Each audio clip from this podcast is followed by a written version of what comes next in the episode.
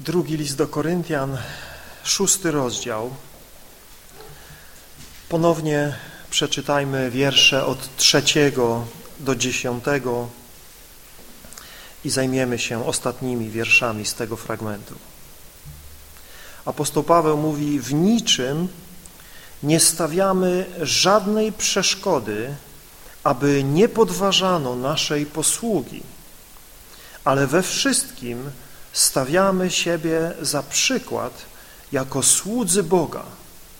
W wielkiej wytrwałości w uciskach, w potrzebach, w trudnościach, w chłostach, w więzieniach, w rozruchach, w trudach, w bezsennych nocach, w postach, w czystości, w poznaniu, w cierpliwości, w uprzejmości, w Duchu Świętym, w nieobłudnej miłości, w słowie prawdy, w mocy Bożej, przez oręż sprawiedliwości w prawej i lewej ręce, przez chwałę i hańbę, przez złą sławę i dobrą sławę jako zwodziciele, a oto godni zaufania,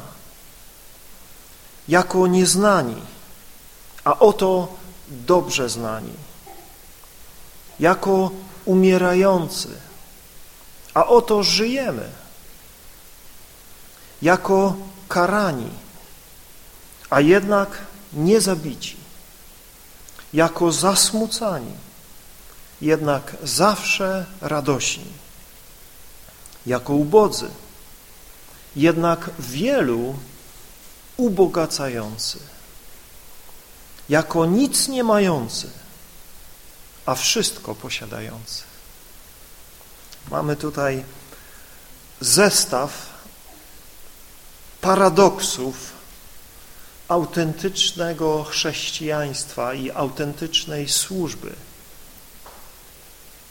do tej pory w tej części rozdziału Paweł rytmicznie wypełniał listę wielkiej wytrwałości, używając zwrotów zaczynających się od słowa w.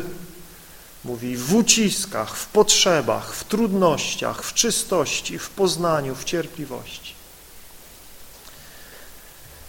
Natomiast w wierszach siódmym i ósmym używa zwrotów zaczynających się od przyimka przez, który opisuje narzędzia, którymi apostołowie posługują się w swojej służbie lub też okoliczności, w których się znajdują. Na pierwszym miejscu mamy tutaj oręż sprawiedliwości w prawej i lewej ręce. Słowo przetłumaczone jako oręż czy broń może również oznaczać narzędzie, a więc ta broń czy te narzędzia odnoszą się do sprawiedliwości. I można to wyrażenie rozumieć na kilka sposobów. Można mówić tutaj o sprawiedliwej broni, można mówić o broni lub narzędziach, które promują sprawiedliwość lub też broń i narzędzia, które są skutkiem sprawiedliwości, pochodzą od sprawiedliwego. Ciekawe jest też powiązanie tego oręża z prawą i lewą ręką. W oryginale jest tylko prawa i lewa. W liście do Efezjan w szóstym rozdziale mamy wymienione dwa elementy uzbrojenia dla obu rąk. Miecz do prawej ręki i tarcza do lewej. Miecz przede wszystkim do ataku, a tarcza do obrony. Jeśli mamy na myśli taki właśnie oręż, to ukazuje się nam zrównoważony obraz posługi chrześcijańskiej, będącej zarówno duchową ofensywą, jak i defensywą. Chrześcijanie zostali przez Boga dobrze wyposażeni do prowadzenia duchowej walki. Miecz ducha to Boże Słowo, które musimy poznawać i którym musimy się właściwie posługiwać, głosząc je w czas dogodny i niedogodny, głosząc je z mocą Ducha Świętego, głosząc je w miłości, z łagodnością i stanowczością, z dokładnością i wiernością, czyli sprawiedliwie, właściwie, rzetelnie. Wtedy jest to skuteczny oręż sprawiedliwości, oparty na sprawiedliwości i przynoszący owoc sprawiedliwości w życiu tych, którzy słuchają tak zwiastowanego, tak głoszonego, tak przekazywanego Słowa Bożego. Podobnie jest z tarczą wiary, która skutecznie chroni jedynie tych, którzy zostali usprawiedliwieni, kiedy położyli całą swoją ufność w doskonałej ofierze, którą Pan Jezus Chrystus złożył na krzyżu Golgoty. Jeśli Twoja sprawiedliwość opiera się na czymś innym niż usprawiedliwieniu płynącym z Bożej łaski w Jezusie, to Twoja tarcza jest dziurawa i nieskuteczna. Ci, którzy polegają na własnej sprawiedliwości, na swoich dobrych uczynkach, na swojej religijności, czy to na jakichś kościelnych sakramentach, obrzędach, kościelnej przynależności, na duchowych przewodnikach, pośrednikach, wszelkich innych religijnych środkach pozyskania Bożej przychylności, wszyscy tacy chronią się za złudną tarczą wiary, która nie chroni przed żadnym ognistym pociskiem złego. Prowadzenie duchowej walki wymaga obu elementów duchowego oręża. I oba muszą być sprawiedliwe, czyli właściwe. Takie, jakie Bóg mówi, że mają być. Miecz ducha, którym jest Boże Słowo i tarcza wiary we wszystko, czego Boże Słowo nas naucza. Pozostałą część tej apostolskiej listy stanowią przeciwstawne postawy czy reakcje, które ukazują zróżnicowane postrzeganie chrześcijańskiego życia i służby. Ósmy wiersz mówi przez chwałę i pohańbienie, przez złą sławę i dobrą sławę. Zobaczcie, jak odmienne spojrzenie, jak odmienne oceny, jak odmienne opinie. Przez chwałę i pohańbienie. Do tej pory w drugim liście do Koryntian Paweł używał terminu chwała teologicznie, mówiąc o czci lub uwielbieniu należnym Bogu. Tutaj jednak używa tego terminu do odniesienia w odniesieniu do czci lub reputacji w oczach ludzi wynikającej ze statusu lub osiągnięć jakiejś osoby. Chodzi o to, jak ktoś jest postrzegany przez innych ludzi. Do tego również odnosi się chwała. Wiemy, że ludzie szukają chwały u innych, chcą być dobrze przez nich postrzegani. Przeciwieństwem chwały jest więc hańba lub lekceważenie, bycie traktowanym jako nieistotny, nieznaczący. I w naturalnym toku swojej chrześcijańskiej służby apostoł Paweł był czasami honorowany jako znacząca osoba, choćby z powodu swego pochodzenia i posiadania rzymskiego obywatelstwa. Ponadto w Kościele był doceniany jako duchowy przywódca i znaczący nauczyciel. Jednak z jego własnej relacji o sobie, o swojej służbie i obrazu, jaki widzimy w dziejach apostolskich, wynika, że wielu ludzi, zarówno wewnątrz, jak i na zewnątrz Kościoła, nie szanowało Pawła ani jego służby.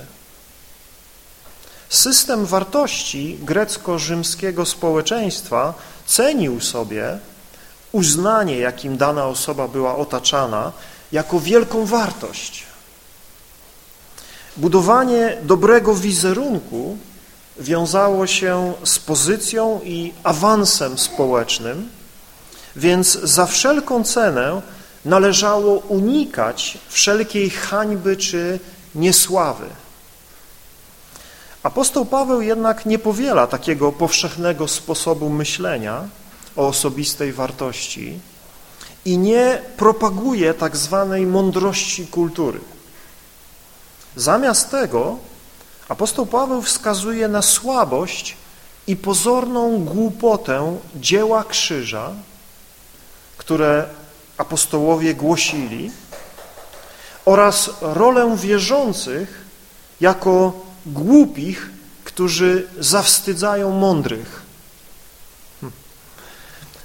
W Bożym Kościele te części ciała Chrystusa, którym brak chwały w tym świecie, cieszą się wielkim uznaniem.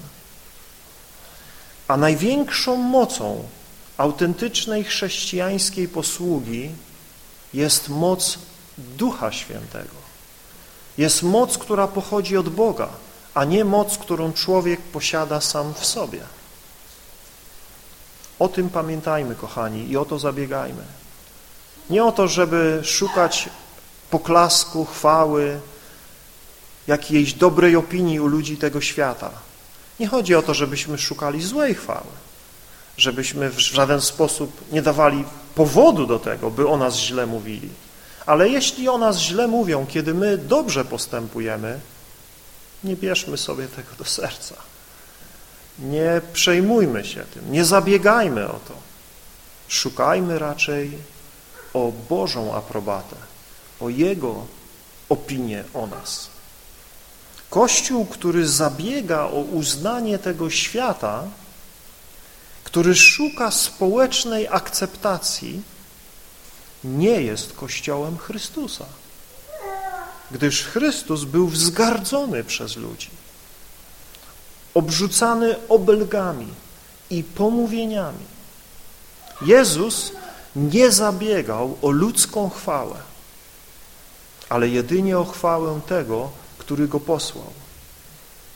Jeśli naprawdę chcemy być Jego naśladowcami, to musimy stać się głusi na opinię tego świata i nie możemy być wrażliwi na to, co świat o nas myśli. Natomiast nasze serca muszą być wrażliwe na to, co myśli o nas nasz Ojciec w niebie. Następna para przez zniesławienie i dobrą sławę są bardzo blisko spokrewnione z tą czcią i hańbą. Te dwa terminy w języku greckim tworzą fonetyczną grę słów, opartą na tym samym słowie źródłowym, ale z innym przedrostkiem. Oba te słowa znajdują się tylko tutaj, w całym Nowym Testamencie. Zniesławienie ma związek ze szkalowaniem czyjegoś postępowania lub szkodzeniem reputacji danej osoby. Niedawno w Wielkiej Brytanii był człowiek, który bezpodstawnie został oskarżony o zabójstwo swojej sąsiadki.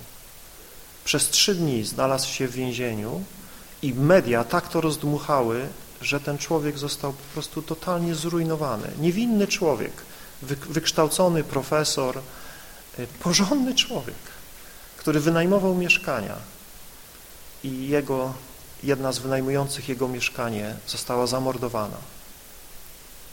Okazało się później, po kilku dniach, że zabił ją jej tam jakiś e, chłopak.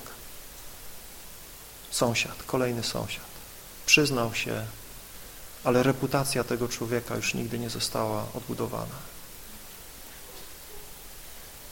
Ta plotka, te zarzuty, te kłamstwa, te pomówienia, sąsiedzi się od niego odwrócili, w sklepach nie chcieli go obsługiwać, bo to wszędzie w mediach było przez kilka dni jego twarz we wszystkich gazetach, w mediach. Niewinnego człowieka, który został fałszywie oskarżony. Ile jest takich przypadków ludzi w Kościele i poza Kościołem, których ktoś o coś posądził, puścił plotkę, nie sprawdził informacji, ale coś mu się wydawało i nagadał jeden drugiemu i to się rozeszło. Pewna kobieta w pewnej wsi nagadała na lokalnego pastora, ale później skruszyła się i przyszła do niego i powiedziała, wybacz mi, przebacz mi, wiem, że źle zrobiłam.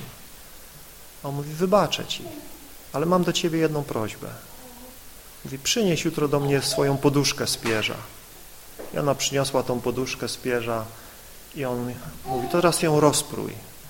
I ona rozpruła tą poduszkę i mówi, teraz wypuść te pierze, wypuść te, te, te, te e, pióra. No i ona to wypuściła i wiecie, wiatr to rozwiózł po całej wiosce, tam poza wioską. I teraz idź pozbieraj to. No i no jak? To się nie da pozbierać. No i no właśnie. Tak samo jak się nie da pozbierać tego, coś narozpuszczała swoim językiem.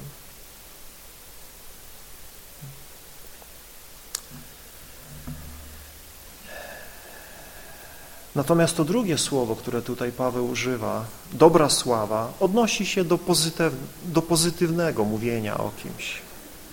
I Paweł znał zarówno gorzki smak kłamliwych oszczerstw, jak i słodycz pochlebnych opinii na temat swojej służby. Ale ani jedno, ani drugie nie robiło na nim wielkiego wrażenia. Paweł zabiegał o Bożą aprobatę i nam zostawił taki właśnie wzorzec służby. Jeśli chcemy podobać się Bogu, to musimy z rezerwą podchodzić zarówno do pochwał, jak i do krytyki, szczególnie jeśli jest to zawistna krytyka, czy też krytyka płynąca od wrogów Ewangelii. Poczynając od ostatniego członu ósmego wiersza, aż do końca dziesiątego wiersza, mamy siedem par przeciwstawieństw, które przedstawiają odmienne perspektywy, z jakich apostołowie lub ich stan lub działanie są postrzegane lub rozumiane.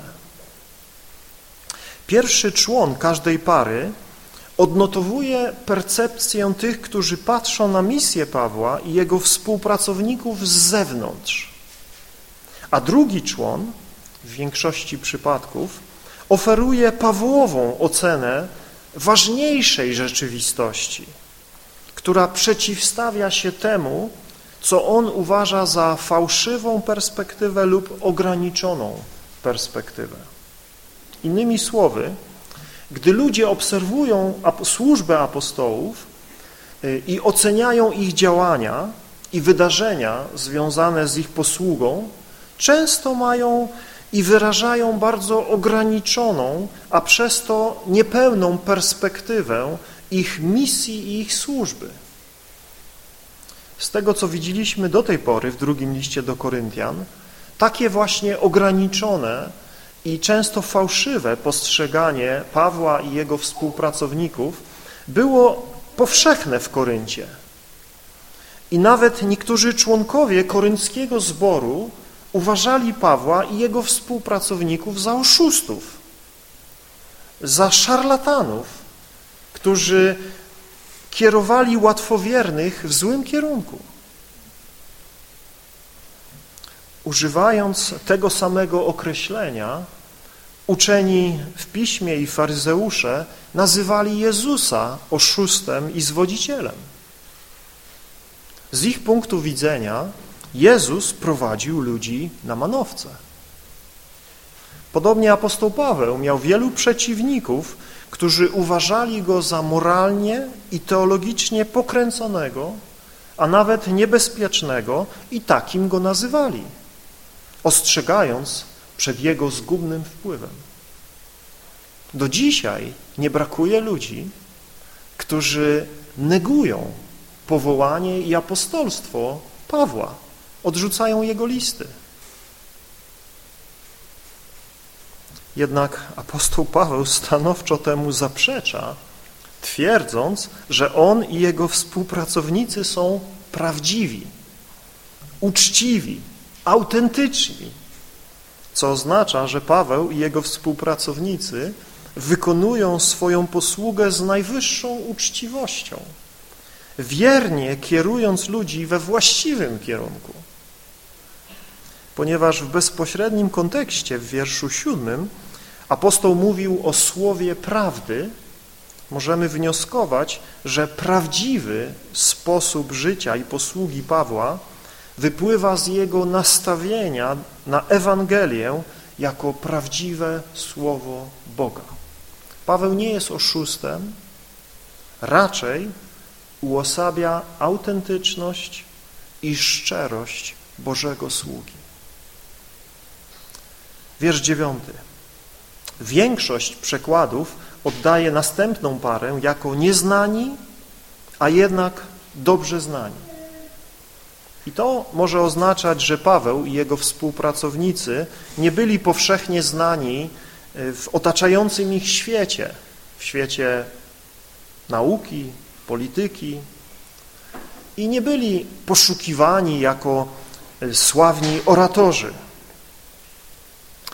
Przeciwieństwem tego publicznego lekceważenia jest fakt, że Paweł był dobrze znany w zborach lub że jest dobrze znany Bogu, o czym mówił w pierwszym liście do Koryntian. I taka interpretacja pasuje do ogólnego ukierunkowania całej tej listy, ale raczej wygląda na to, że Paweł tutaj mówi o tym, że on jest nierozpoznany w sensie swojego apostolstwa. Przez wielu jest rozpoznany czy uznany jako prawdziwy apostoł, ale przez innych nie. I to miałoby sens na tle późniejszych rozdziałów tego listu, gdzie Paweł przeciwstawia się fałszywym apostołom, którzy kwestionują jego powołanie od Boga. Kolejne przeciwstawienie to umieramy, a oto żyjemy. A więc mamy tutaj kontynuację tego wątku życia, śmierci, który przez, prze, prze, przeplata się przez cały ten list. Już na samym początku Paweł odnosi się do śmierci w prologu, pisząc o doświadczeniu głębokiej rozpaczy przez niego samego i jego współpracowników do tego stopnia, że myśleli, że umrą. A jednak ten pozorny wyrok śmierci zapadł po to, by oni wszyscy ufali Panu, Panu życia, który uratował ich z tego położenia i uratował ich z wielu innych starć ze śmiercią. Dlatego Paweł mówi, że nieustannie jest narażony na śmierć, ale dzięki Bożej łasce wciąż żyje. I dalej kontynuuje karani, a jednak nie zabici. Słowo karani było używane przez starożytnych autorów w odniesieniu do procesu kształcenia, pouczania lub treningu, dzięki któremu dana osoba była w stanie dokonywać rozsądnych wyborów. Ponadto może także odnosić się do takiej fizycznej kary z rąk tych, którzy władają biczem. Stąd niektóre tłumaczenia oddają to słowo w znaczeniu biczowania, bicia. W niektórych tłumaczeniach mamy e, biczowani, ale nie zabici. E, oczywiście biczowanie było wykonywane przed egzekucją lub w sposób, który prowadził do śmierci osoby, więc jest to możliwe i to mogłoby wyjaśniać użycie tego stwierdzenia jednak nie zabici. Natomiast e, apostoł Paweł tutaj e, opisuje często jakieś doświadczenia, które przeżywa, to, co ludzie robią, to w jaki sposób ludzie go boleśnie doświadczają, w odniesieniu do tego, co Bóg przez to robi w jego życiu. Użyte tutaj słowo bardzo często, zarówno w Starym Testamencie, w greckim przekładzie Starego Testamentu, jak i w Nowym Testamencie, używane jest y, w odniesieniu do karcenia i wychowywania przez Boga, czyli do takiej duchowej dyscypliny. I wiecie, że o tym Pismo ma wiele do powiedzenia, zarówno w Starym, jak i w Nowym Testamencie. Biblia mówi, że Boża dyscyplina przychodzi do Jego dzieci w różnych formach, w różnych sytuacjach.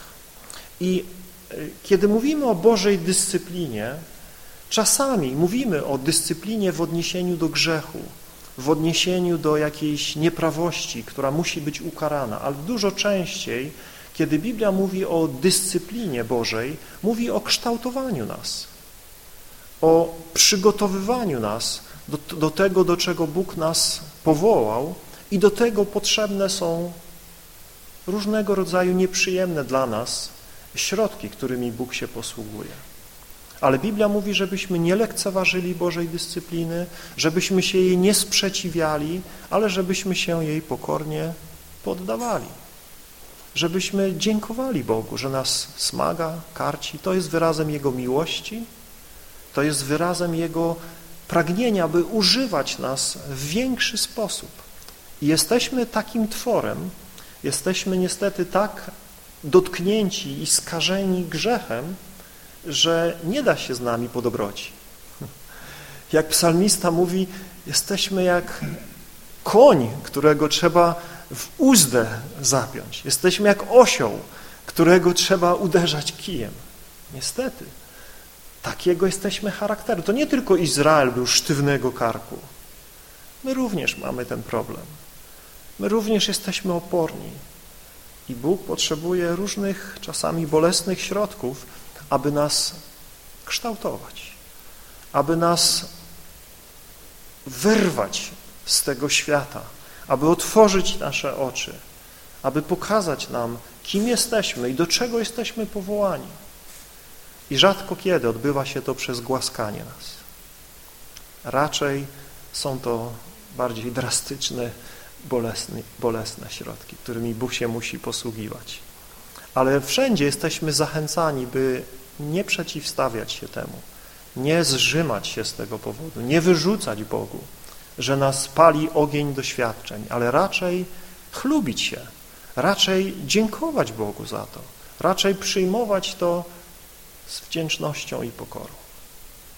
Paweł spotykał się z prześladowaniami, które przyjmował jako dyscyplinowanie przez Pana i składał świadectwo, że Bóg w tym wszystkim go nie opuścił i wykorzystywał wszelkie bolesne doświadczenia ku dobremu, ku objawieniu jeszcze większej łaski i mocy w Jego służbie. Wiecie, że Paweł mówi o tym cierniu, który nie wiemy dokładnie, co to było i dobrze, że nie wiemy, bo tak to byśmy myśleli, a to tylko w ten sposób Bóg doświadcza. Nie wiemy w jaki sposób, ale było to coś bardzo bolesnego. Paweł nazywa ten cierń posłańcem szatana. Trzykrotnie modlił się, żeby Bóg zabrał to z jego życia, ale Bóg powiedział nie. Dosyć masz, gdy masz moją łaskę i moja moc objawia się w słabości. Więc Paweł potem mówi, ja się chlubię z tego, będę się chlubił ze słabości, będę chlubił się z doświadczeń, będę chlubił się z tych wszystkich bolesnych rzeczy, które przychodzą, bo wtedy, mówi, staje się dzięki nim słaby, a kiedy jestem słaby, mówi, wtedy jestem mocny. Dziwny paradoks. Ale taka jest prawda, bracia i siostry. Nie kiedy jesteśmy mocni, kiedy nam się wydaje, że mocno stoimy nogami, kiedy sobie radzimy i kiedy wszystko trzymamy mocno w swoich rękach. Nie wtedy jesteśmy mocni. Wtedy łatwo możemy się potknąć. Wtedy łatwo może nam to uderzyć do głowy i możemy myśleć o sobie, że jesteśmy wielcy i silni i, i pełni sukcesu. Ale kiedy jesteśmy słabi, kiedy zdajemy sobie sprawę z naszej niemocy, z tego, że te sytuacje, że te okoliczności nas przerastają, wtedy, jeśli lgniemy do Boga, wtedy jesteśmy mocni. Wtedy doświadczamy Jego siły podczas, w pośród naszej słabości, w pośród naszej niemocy. I taka jest Boża droga. Bóg pokornym daje swą łaskę. Nie tym, którzy się pysznią swoją siłą, swoimi możliwościami, swoimi zdolnościami, ale tymi, którzy są uniżonego serca, tymi, którzy są świadomi swej słabości, swych niemożności, którzy patrzą na Boga i mówią, od Ciebie pochodzi moja pomoc. Ty jesteś moim ratunkiem. Bez Ciebie nie dam rady, ale wszystko mogę z Tobą. Kolejne przeciwstawienie dotyczy doświadczenia głębokiego smutku, a jednocześnie nieustannej radości. O tym ostatnio też mówiliśmy troszkę, że nasze chrześcijańskie życie e, jest wypełnione tymi dwoma strumieniami. Strumieniem, to mówiłem o tym w Kościerzynie, sorry. jest ten strumień cierpienia, jest ten strumień bólu, jest ten strumień bolesnych doświadczeń, ale jeśli jesteśmy w Chrystusie, cały czas płynie przez nas strumień Bożej radości, Bożego pocieszenia, Bożego pokoju, który przewyższa zrozumienie. Są to dwa doświadczenia, o których apostoł Paweł mówi w wielu miejscach. Paweł doświadczał smutku. Mówi o tym, że był wielce zasmucony, gdy zachorował Epafras, jeden z jego współpracowników i Bóg z jakiegoś powodu go nie uzdrawiał. Bolał nad duchowym błądzeniem swoich współbraci Izraelitów w liście do Rzymian w dziewiątym rozdziale. Mówi o wielkim bólu, który mu towarzyszy z powodu niewiary Izraela. E, wcześniejsza wizyta w Koryncie była pełna smutku, a wcześniejszy list do tamtego zboru był przesiąknięty łzami apostoła. Jednak Paweł doświadczał radości w pośród swoich smutków. W dwudziestu dziewięciu wystąpieniach tego czasownika radować się w listach Pawła znajdujemy Jego samego mówiącego o różnych przejawach Bożej łaski w Jego życiu czy w zborach, z których On się raduje i w nawoływaniu wierzących, by się radowali, by się weselili. Na przykład w liście do Rzymian zachęca, aby radowali się w nadziei. Radowali się z tymi, którzy się radują. W drugim liście do Koryntian wzywa w trzynastym rozdziale do radości. W liście do Filipian zachęca, aby radowali się w Panu. Listy Pawła świadczą o tym, że on sam nieustannie praktykował radość w swoim życiu. I wydaje się, że Paweł rozumie radość jako działanie z wyboru, jako cechę charakterystyczną ucznia Jezusa. To nie jest tak, że e, zawsze towarzyszy nam radość. My mamy się radować w Panu. To jest jakby przykazanie skierowane do nas, by patrzeć na Niego, na Jezusa, na to, co dla nas zrobił, na to, kim dla nas jest, jak przez Niego mamy dostęp do Ojca i w Ojcu wszelkie błogosławieństwo niebios. Miłość Ojca do nas, akceptacja Ojca. Jeśli o tym myślimy, jeśli do tego kierujemy nasze umysły, to rezultatem tego jest, że nasze serca zaczynają napełniać się wdzięcznością i radością. Więc gdy czytamy, że mamy się radować w Panu, to nie chodzi o to, żebyśmy teraz uśmiechnęli się w Panu na zasadzie Pan Jezus i się uśmiecham, tylko skierowali nasze serca ku Niemu. rozmyślali o Nim, kim On jest, co dla nas uczynił, co nam obiecuje, co nas czeka razem z Nim. Kiedy o tym rozmyślamy, radość wypełnia nasze serca. Szósta para przeciwstawień, więc widzicie, że się spieszę, bo chcę to dokończyć, więc może nie wchodzę w to za daleko i za głęboko, ale pomyślałem, że tutaj przejdziemy je, bo tak naprawdę tutaj chcę, żebyśmy zobaczyli tą główną myśl, która tutaj jest. Mianowicie taka, że ludzie z zewnątrz patrzą na chrześcijan, tutaj w tym przypadku na Pawła i jego współpracowników i mówią, a to chrześcijaństwo to jest pełne i tam macie te różne negatywne rzeczy. A Paweł na to wszystko patrzy, mając tą Bożą perspektywę i mówi, otóż wcale tak nie jest. Do końca. To nie znaczy, że tego nie ma, co oni widzą, tak? Oni widzą jakąś rzeczywistość, ale jest to bardzo ograniczona rzeczywistość. Jest to cząstkowe ich postrzeganie. Oni nie widzą czegoś, co jest daleko większe. Mówi, tak, y, jako ubodzy, ale, i tutaj Paweł takiego ciekawego, cały czas w tych, w tych wszystkich przeciwieństwach używa takiego ciekawego zwrotu w Grece. On mówi coś takiego, y, tak, tak jak wcześniej y, mówi, że zasmuceni, tak, i teraz mówi, a oto radujemy się, czyli jakby używa takiego wyrażenia, które jest jakby takim zaskakującym przeciwieństwem. Mówi, zasmuceni, a oto cieszymy się. Mówi, ubodzy, a oto ubogacamy wielu. Chociaż jesteśmy ubodzy, to jesteśmy w stanie wielu ubogacić. I pierwszy termin, tutaj ten ubodzy, użyty jest e, dosłownie w odniesieniu do braków środków finansowych.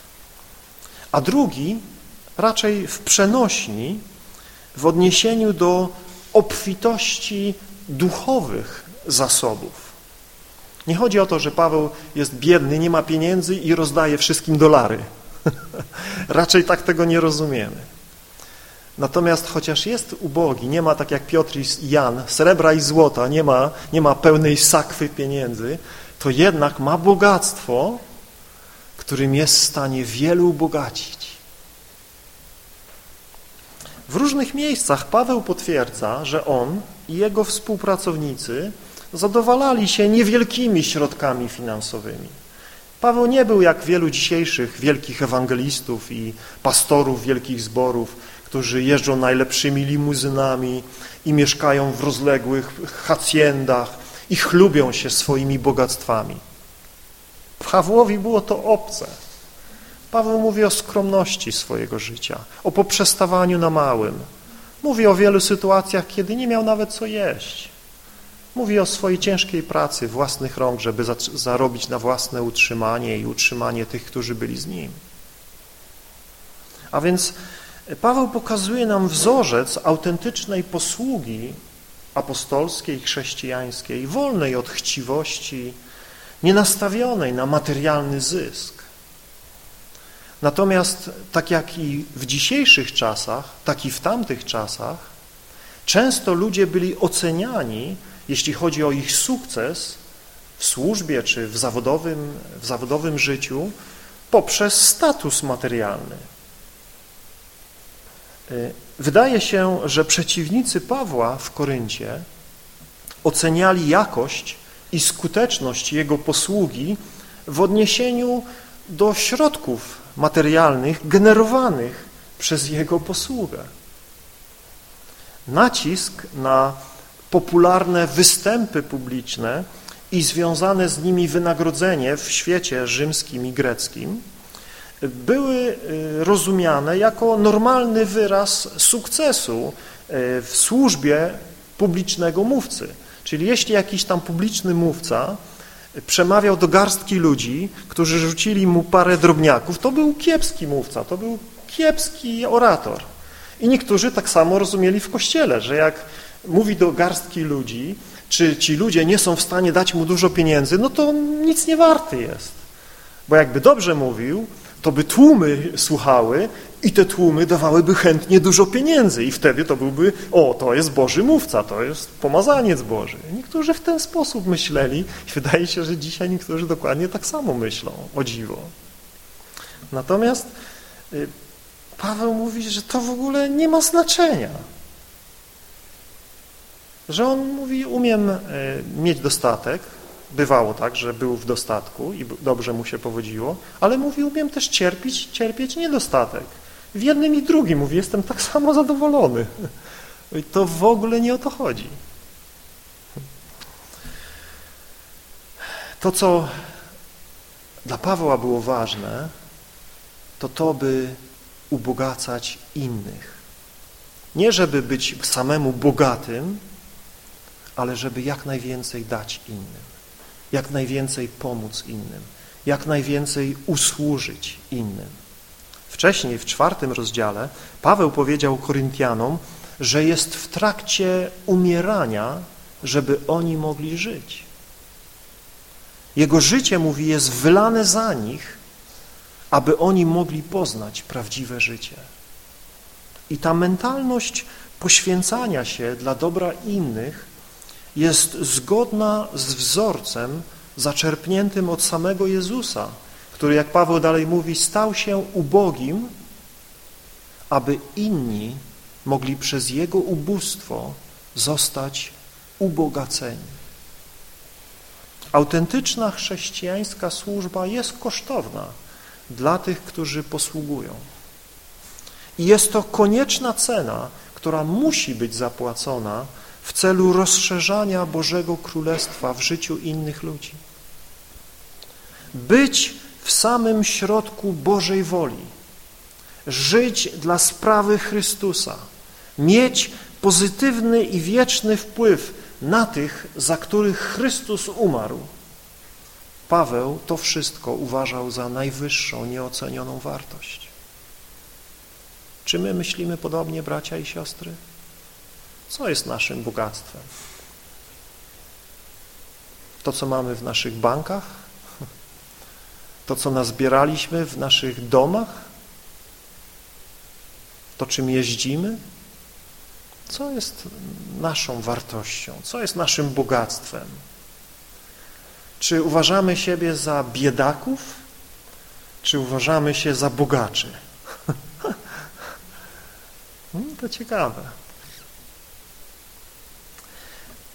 W podsumowaniu tej listy przeciwstawieństw Paweł mówi, nie posiadamy niczego, a jednak, a oto w rzeczywistości posiadamy wszystko. Mówi, ludzie na nich patrzą i mówią, zobaczcie, oni nic nie mają. A Paweł mówi, tak, nic nie mamy, a oto mamy wszystko.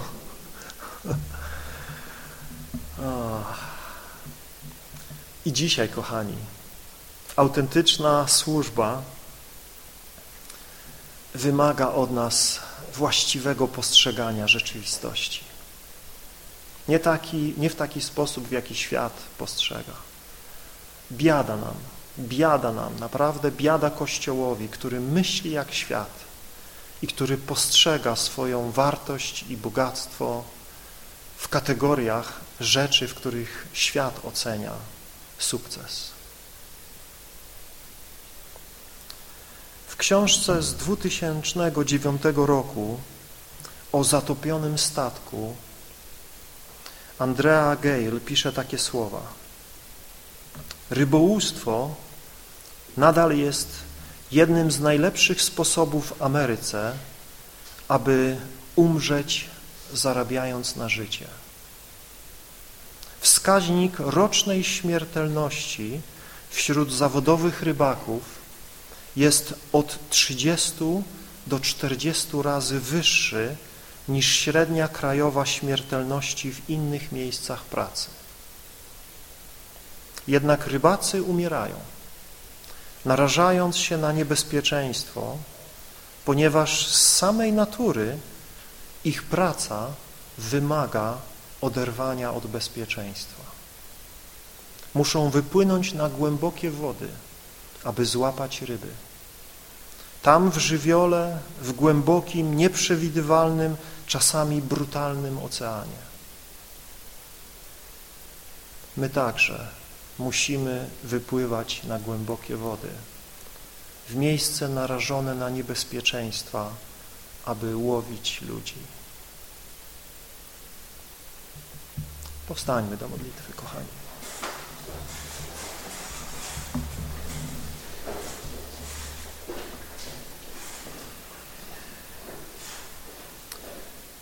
Dobry Boże, dziękujemy Tobie za Twoje słowo, które zostawia nam te świadectwa Twoich wybranych, wiernych, cierpiących, radujących się, oddających wszystko dla Ciebie, autentycznych pracowników, których życie i posługa dotyka nas po tylu latach. Minęło już tyle lat, a dzisiaj ich słowa służą nam pomocą.